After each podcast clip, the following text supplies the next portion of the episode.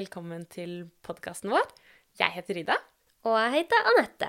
Og vi er begge leger og har laga denne podkasten fordi vi ønsker å gjøre forskningsbasert og nyttig kunnskap lett tilgjengelig for alle. Ja, det håper vi jo på. Men før vi går inn på dagens eh, tema, Anette, så hvordan har uken din vært?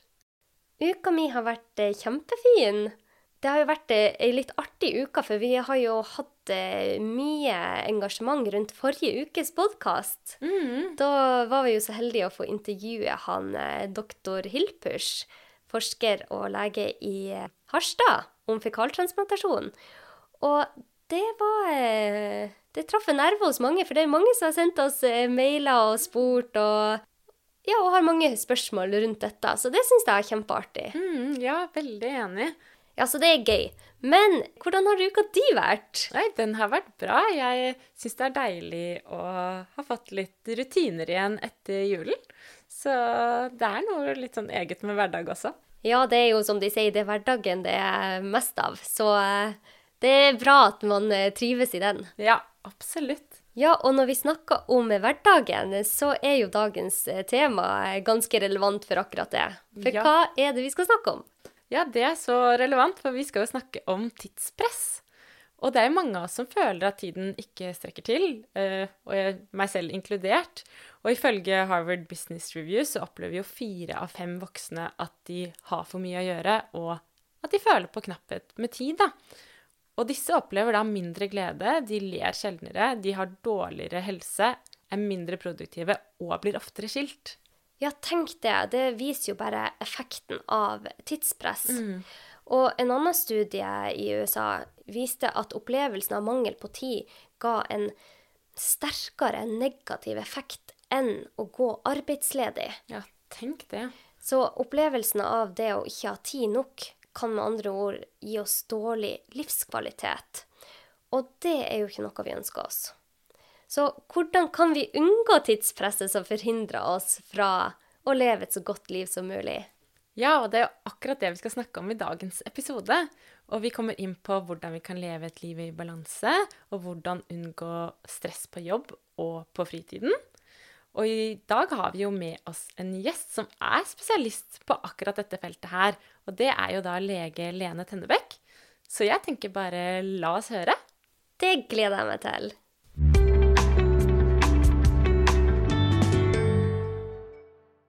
I dag så skal vi snakke om uh, hvordan å leve et liv i balanse, og hvordan unngå stress på jobb og i privatlivet. Og vi har jo tidligere hatt en podkast om stress og teknikker for å håndtere stress.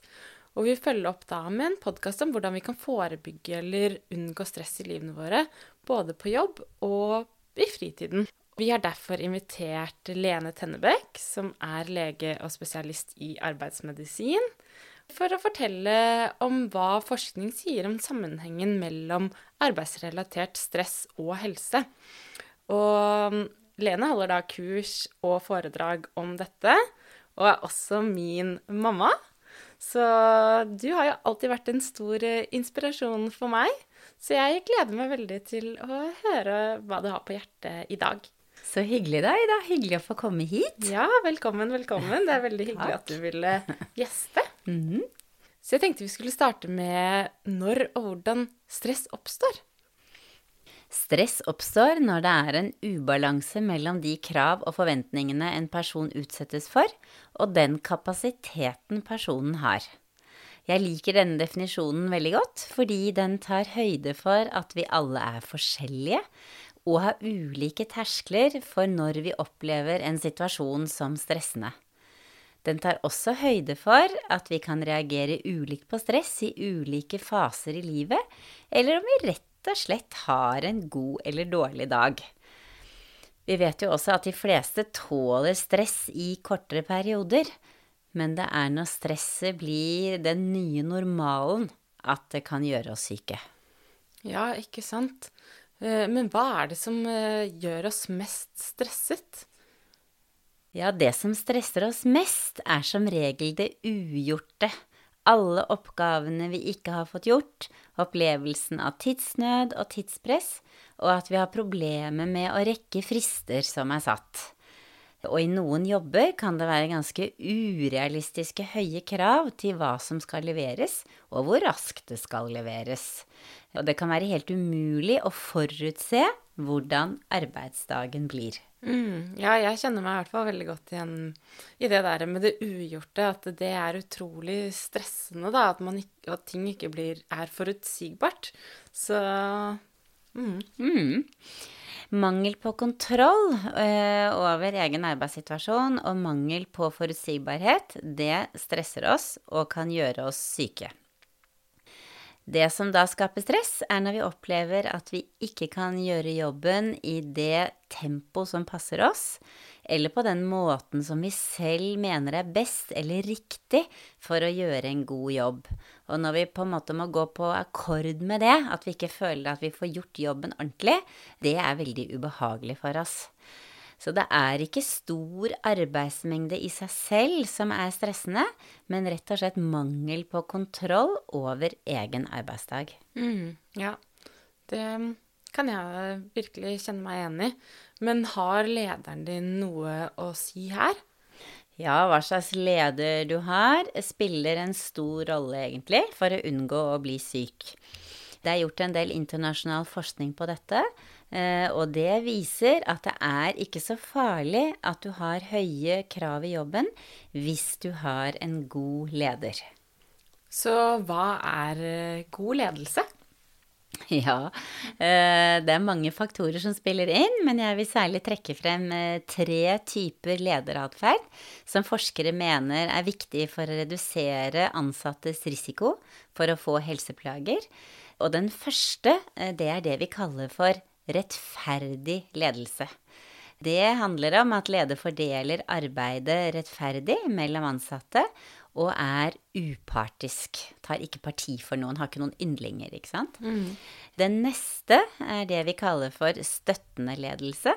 Som handler om at de ansatte får hjelp og støtte i arbeidet fra sin nærmeste leder, og får råd når de trenger det. Og den siste gode lederatferden, det er det vi på norsk kaller bemyndigende ledelse. På engelsk heter det empowerment. Det er ikke så lett å oversette det til, til norsk. Mm. Men det er altså en form for ledelse der leder oppmuntrer sine underordnede til å ta egne beslutninger, gi uttrykk for egne meninger, altså være selvstendig, ikke sant, mm. Eh, og også utvikle egne ferdigheter. Og det at man har mulighet for faglig og personlig utvikling i jobben, det er jo veldig viktig, og, og noe alle setter pris på. Mm, ja, det er utrolig viktig. Jeg har også lyst til å si eh, litt om en fersk studie fra Statens arbeidsmiljøinstitutt. Der er det undersøkt om ledere kan påvirke den psykiske helsen hos ansatte Eh, i virksomheter som eh, har vært gjennom større endringer, som f.eks. omorganiseringer eller nedbemanninger. Og det vet vi jo kan skape mye stress og usikkerhet hos eh, ansatte. Mm. Studien viser at visse typer lederatferd hadde en beskyttende effekt på ansattes psykiske helse. Ja, det er spennende. Ja. Ja, hvilken lederatferd var dette her, da? Eh, ansatte som rapporterte å ha en leder som var tydelig, inkluderende, rettferdig og støttende, hadde en lavere risiko for senere psykiske plager. Og dette kan bl.a. skyldes at disse ansatte opplever mer forutsigbarhet og trygghet på jobb. Og det handler ikke om å sy puter opp under armene på folk, det handler også om å være tydelig til hva man forventer på arbeidsplassen. Mm. I en endringssituasjon eh, hvor det er høye krav og stor grad av usikkerhet, eh, så har altså ledere en eh, ekstra viktig rolle. Og det kan vi jo relatere nå til den pågående koronapandemien, eh, som helt opplagt har skapt usikkerhet hos mange både hos dem som har fått store endringer i arbeidsinnholdet sitt pga. Eh, koronasituasjonen, eller hos personer som da enten står i fare for, eller faktisk har vært så uheldig eh, å miste jobben sin. Mm. Ja, dette her er jo store endringer som påvirker både privat og arbeidslivet, da. Ja, og kan være ganske dramatisk, selvfølgelig, mm. for de som kommer i en sånn situasjon. Mm, ja. ja, dette er jo selvfølgelig veldig dramatisk fordi for de dette gjelder. Så vi får jo håpe at eh, de fleste får tilbake jobbene sine etter hvert. Men tilbake til eh, stress i arbeidslivet. Eh, Hva kan vi gjøre for å unngå at stress oppstår? Ja, fra forskning så vet vi at så lenge vi har kontroll over egen arbeidssituasjon, så kan vi stå, tåle å ha stor arbeidsmengde uten å bli syke av det. Men eh, for stor arbeidsmengde over tid, det er jo ikke noe mål eh, i seg selv. Det kan jo være ubehagelig, selvfølgelig. Og i en slik situasjon så er det veldig viktig at leder og medarbeider sammen eh, ser på om det er mulig å organisere og planlegge arbeidet og arbeidsdagen på en mer hensiktsmessig måte. Man kan gå gjennom arbeidsoppgavene for å finne ut om noe kan utsettes, eller kanskje til og med droppes. Det hender jo at det er en del sånn unødvendige ting som man blir pålagt å gjøre. Og da er det veldig viktig at eh, den ansatte også er tydelig overfor lederen sin når eh, han eller hun føler at det er for mye, rett og slett. For det er ikke så lett for en leder å gjette seg til hvordan de ansatte har det, hvis ikke vi gir tydelige tilbakemeldinger om det. Så det er et viktig ansvar som hver og en av oss har i arbeidslivet. Men det er selvfølgelig også viktig at leder legger opp til eh, å ha sånne diskusjoner med sine medarbeidere. Mm. Ja, absolutt. Det er jo viktig. Og, og man kjenner jo selv på hvor mye arbeidskapasitet eh, man har, og når det blir for mye, så det er utrolig viktig å si fra. Men innimellom så er det jo høyt arbeidspress eh, over tid, og hva kan vi gjøre da? Ja, hvis du er i en situasjon der du opplever høyt arbeidspress over tid, så er det lurt å avklare med lederen din hvilke oppgaver som er viktigst og haster mest.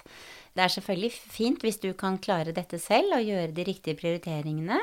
Eh, Men en leder har jo som regel bedre oversikt enn medarbeiderne sine. Det er derfor de er ledere. Og det er veldig godt å kunne ta den eh, samtalen med lederen sin og oppleve at du får støtte og aksept for å gjøre de riktige prioriteringene. Da er det deilig å kunne senke skuldrene og konsentrere seg om én arbeidsoppgave om gangen. Eh, Du blir mer effektiv i jobben din, og dette er jo vinn-vinn for begge parter. For når vi føler oss stresset, så blir vi ukonsentrerte og lite effektive i jobben vår. Og vi bruker unødvendig mye energi. Vi sløser med energien vår, rett og slett, på å, å tenke skal jeg gjøre den oppgaven nå, eller hvilken oppgave skal, er det som haster mest. Eh, Så man får ikke gjort noen av eh, oppgavene på en skikkelig måte, egentlig. Mm, nei, det blir jo vanskelig å fokusere når man er stresset, så da Så det er så sant. Men hva mer kan vi gjøre for å forebygge stress eh, på jobb? Uansett om du har stor arbeidsmengde eller ikke, så er det et mål å skape kontroll og forutsigbarhet i arbeidet, som vi allerede har vært inne på. Og det å bruke tid på planlegging av arbeidet og skaffe seg oversikt over arbeidsdagen og arbeidsuken, det er faktisk veldig viktig. Og det er ikke så mange som er bevisst på det, egentlig. Eh, Men det er lurt å sette av litt tid til planlegging i kalenderen. Jeg pleier å kalle det å ha møte med seg selv, sånn at andre ser at man er opptatt. For det er jo en veldig viktig del av jobben, egentlig, det med planleggingen. Og det er lurt å gjøre det både i begynnelsen av en uke og i slutten av en uke. Når man kommer på jobb mandag morgen, at man bruker litt tid på å se gjennom hva skal jeg gjøre denne uken her. Og også da fredag ettermiddag før man tar helg, at man eh, bruker noen minutter til å se litt på neste uke. Hva skal skje da? Eh, For på den måten så får du bedre oversikt, eh, du blir mer strukturert, og du blir mer forberedt til ulike aktiviteter og møter. Mm. Og det er jo sånn at hjernen jobber sånn ubevisst med de problemstillingene som du eh, har foran deg, så da blir det ofte gode løsninger, eh, og, og møtene blir mer effektive. Og du opplever at du har kontroll, og at det er du som styrer arbeidsdagen og uken din. Mm, ja, det er en viktig følelse å ha. Mm. Det er at du er sjef i eget liv, rett og slett. Mm, ja, ikke sant? Ja. Og så er det jo også viktig å være realistisk da, når det gjelder å planlegge hvor lang tid hver enkelt oppgave tar. Min erfaring er at mange av oss er tidsoptimister. jeg kjenner meg godt igjen der. ja. Og tror at ting eh, ikke tar så lang tid. Men veldig ofte, nesten alltid, eh, så tar ting lengre tid enn vi tror, altså. Og det er derfor viktig å legge inn litt slack eh, i tidsskjemaet. Eh, og helst begynne tidligere på en oppgave hvis vi har en tidsfrist for når arbeidet skal være ferdig.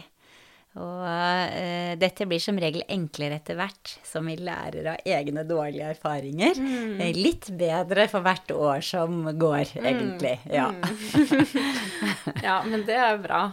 Og så er det jo dette med balanse mellom arbeid og fritid, og særlig nå som det er mange som har hjemmekontor. Så mm, hva, hva burde vi gjøre rundt dette? Arbeidsliv og privatliv glir i større grad over i hverandre i vår digitale verden, og dette har jo nå blitt enda mer aktuelt eh, under koronapandemien, der mange har hatt hjemmekontor. Og i en slik situasjon så må vi rett og slett lære oss å sette grenser. Det er ingen andre som gjør det for oss, vi må selv sette de grensene og lage oss et tydelig skille mellom arbeid og privatliv. Vi må bestemme oss for at f.eks. klokka fire eller klokka fem eller klokka seks i dag, så skal vi eh, koble oss fra jobben og gjøre andre ting. Før når vi da forlot arbeidsstedet og gikk hjem, ikke sant, så hadde vi det tydelige skillet. Nå må vi på en måte uh, lede oss selv og bestemme oss for når arbeidsdagen er over. Og det er veldig viktig at vi har dette tydelige skillet. For vi vet eh, det er sånn at medarbeidere som har kontroll og balanse i livet, de presterer bedre på jobb. Det er forsket på dette her, og det er gjerne når vi står i dusjen, eller går en tur, eller gjør noe helt annet som ikke har med jobb å gjøre, at de gode løsningene dukker opp på utfordringer vi har på jobben, og for så vidt også i privatlivet. Eh, Så det er bra eh, både for arbeidsgiver og for medarbeider at vi finner den riktige balansen i livet, eh, sånn at vi kan holde oss friske og gjøre også en best mulig jobb for arbeidsgiveren vår. Mm, ja, ikke sant. Og da, siden når du er inne på det å gjøre noe annet, og gå seg en tur eller sånn, så kan det også være fint å gjøre i løpet av arbeidsdagen, med tanke på at man nå ikke får seg de ti minutters pausene ved kaffemaskinen, eller kanskje ikke tar seg den halvtimens lunsjen som man egentlig pleier å ta, men heller bare sitter og spiser foran PC-en. At man kanskje får litt avbrekk i løpet av dagen, da, så, så vil man kanskje bli enda mer eh, produktiv. Mm. Og det er jo mange arbeidsplasser hvor man rett og slett oppfordrer eh, sine ansatte til å gå seg en kort tur i, i lunsjen, f.eks. For, for å komme seg ut i dagslys og, og få litt avbrekk eh, i eh, en sånn litt sånn kanskje slitsom arbeidssituasjon, som det det er å sitte på Teams-møter, f.eks. Mm. Ja, ikke sant. Det, det er noe å ta med seg. Mhm. Men hva med privatlivet vårt? Påvirker, påvirker ikke det også jobben vår? Jo, eh, det har du helt rett i. Vi er jo hele mennesker. Vi er jo ikke bare åtte timer på jobb og åtte timer privat, og så sover vi åtte timer. Nei. Eh, Alt henger sammen. Og hvordan vi har det på jobben, det påvirker privatlivet vårt selvfølgelig, og omvendt. Og hvis vi har utfordringer på hjemmebane, eh, så kan det selvfølgelig også påvirke hvordan vi utfører jobben vår. Ingen tvil om det. Jeg må si at um, en del personer de har en utrolig evne til å fylle privatlivet sitt med massevis av aktiviteter. Eh, Så mange at de blir veldig slitne av det, og rett og slett syke av det. Mm. Så det er ikke bare jobben som stresser oss. eh, Og mange ganger har jeg hatt veldig lyst til å sykmelde pasienter fra privatlivet deres. Men det kan man jo ikke gjøre, eh, dessverre. Mm. Noen har altfor mange aktiviteter på fritiden. Og det er jo sånn at eh, mange av oss har vanskelig for å si nei. De fleste av oss er født som ja-mennesker, og vi sier ofte ja uten å tenke oss om. Vi er kanskje redde for å gå glipp av noe, det dere unge kaller FOMO, eller fear of missing out. Ja. Eh, Eller vi er redde for å skuffe partneren vår, eh, familie kanskje, venner, og ikke stille opp for dem. Eh, og det samme gjelder på jobben. Men det blir feil både for deg selv og for arbeidsgiver å si ja til en oppgave som du allikevel ikke klarer å gjennomføre. Ingen er jo tjent med det, egentlig. Så det er viktig å tenke på eh, at vi, når vi sier ja til noe, så sier vi samtidig helt automatisk nei til noe annet. Og da er det jo sånn at, eh, at, det, at vi tenker på eh, hva er det vi sier nei til? Er det det riktige for oss? Eller burde vi sagt nei til noe annet? Har vi i tilstrekkelig grad tenkt gjennom konsekvensene av å si ja eh, til en oppgave, eh, eller er det bare den enkleste løsningen å si ja? Mm, ja, ja, ja, absolutt. Jeg kjenner meg godt igjen i det. Og for oss som ofte sier ja, da, har du, har du noen gode råd?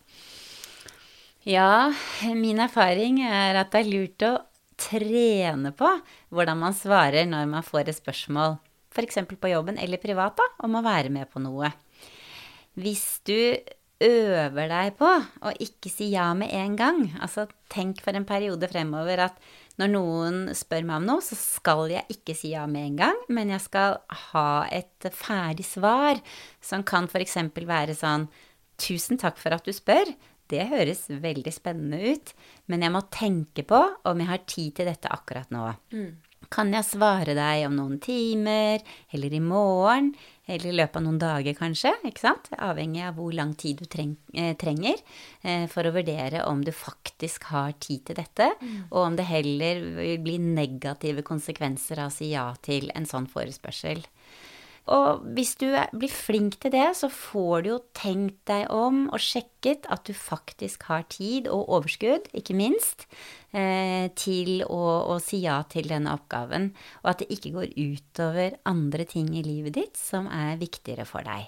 Mm. Og da tar du styringen eh, selv, i stedet for bare å leve opp til andres forventninger.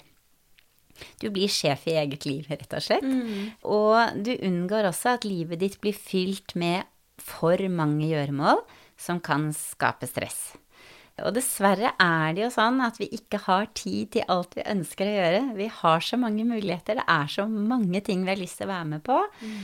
Men vi må lære oss å prioritere og ta valg for å unngå at vi blir rett og slett veldig stressa av alle aktivitetene.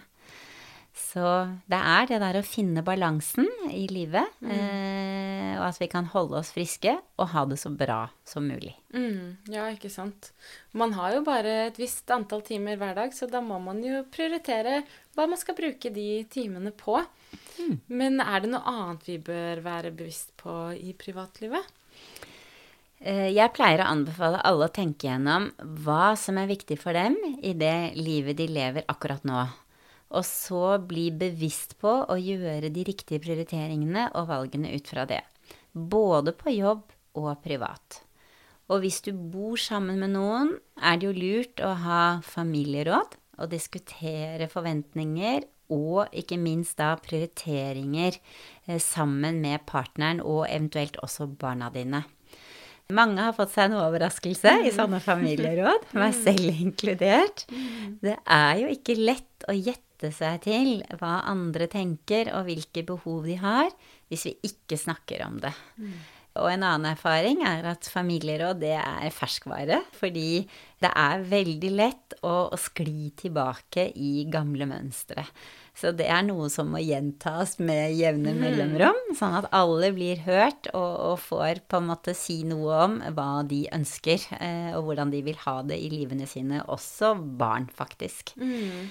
Og det samme er det som på jobb, eh, at det er lurt da å, å ha f.eks. en eh, god form for planlegging, at man har en felles kalender med oversikt over aktiviteter. Eh, sånn at eh, alle får tid til det som er viktig for dem.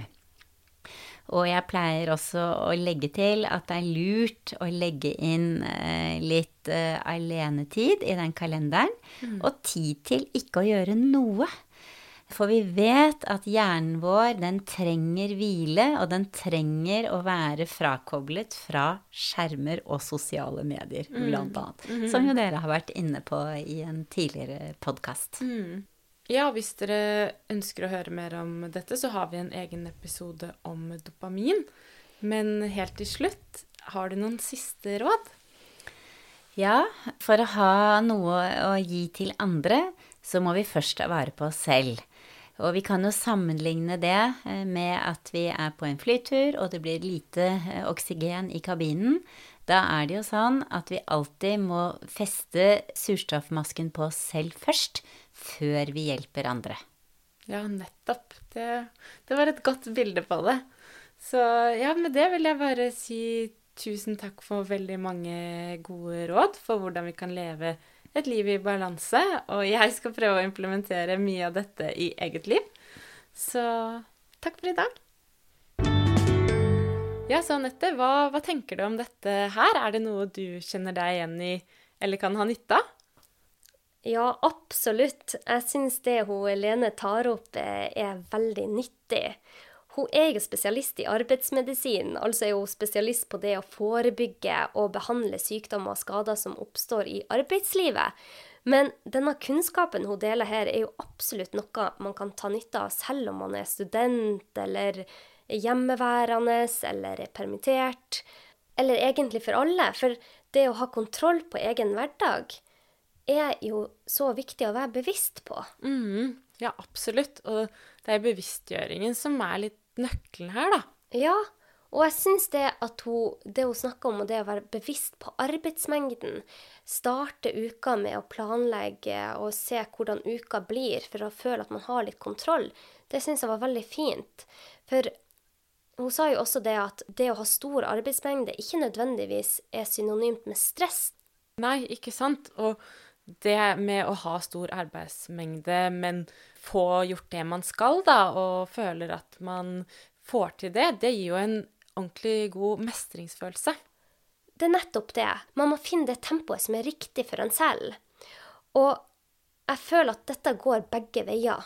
For at gjør du for lite i forhold til den kapasiteten du har, og det energinivået du har, så kan det jo føre til at du føler deg utilfreds både hjemme og på jobb.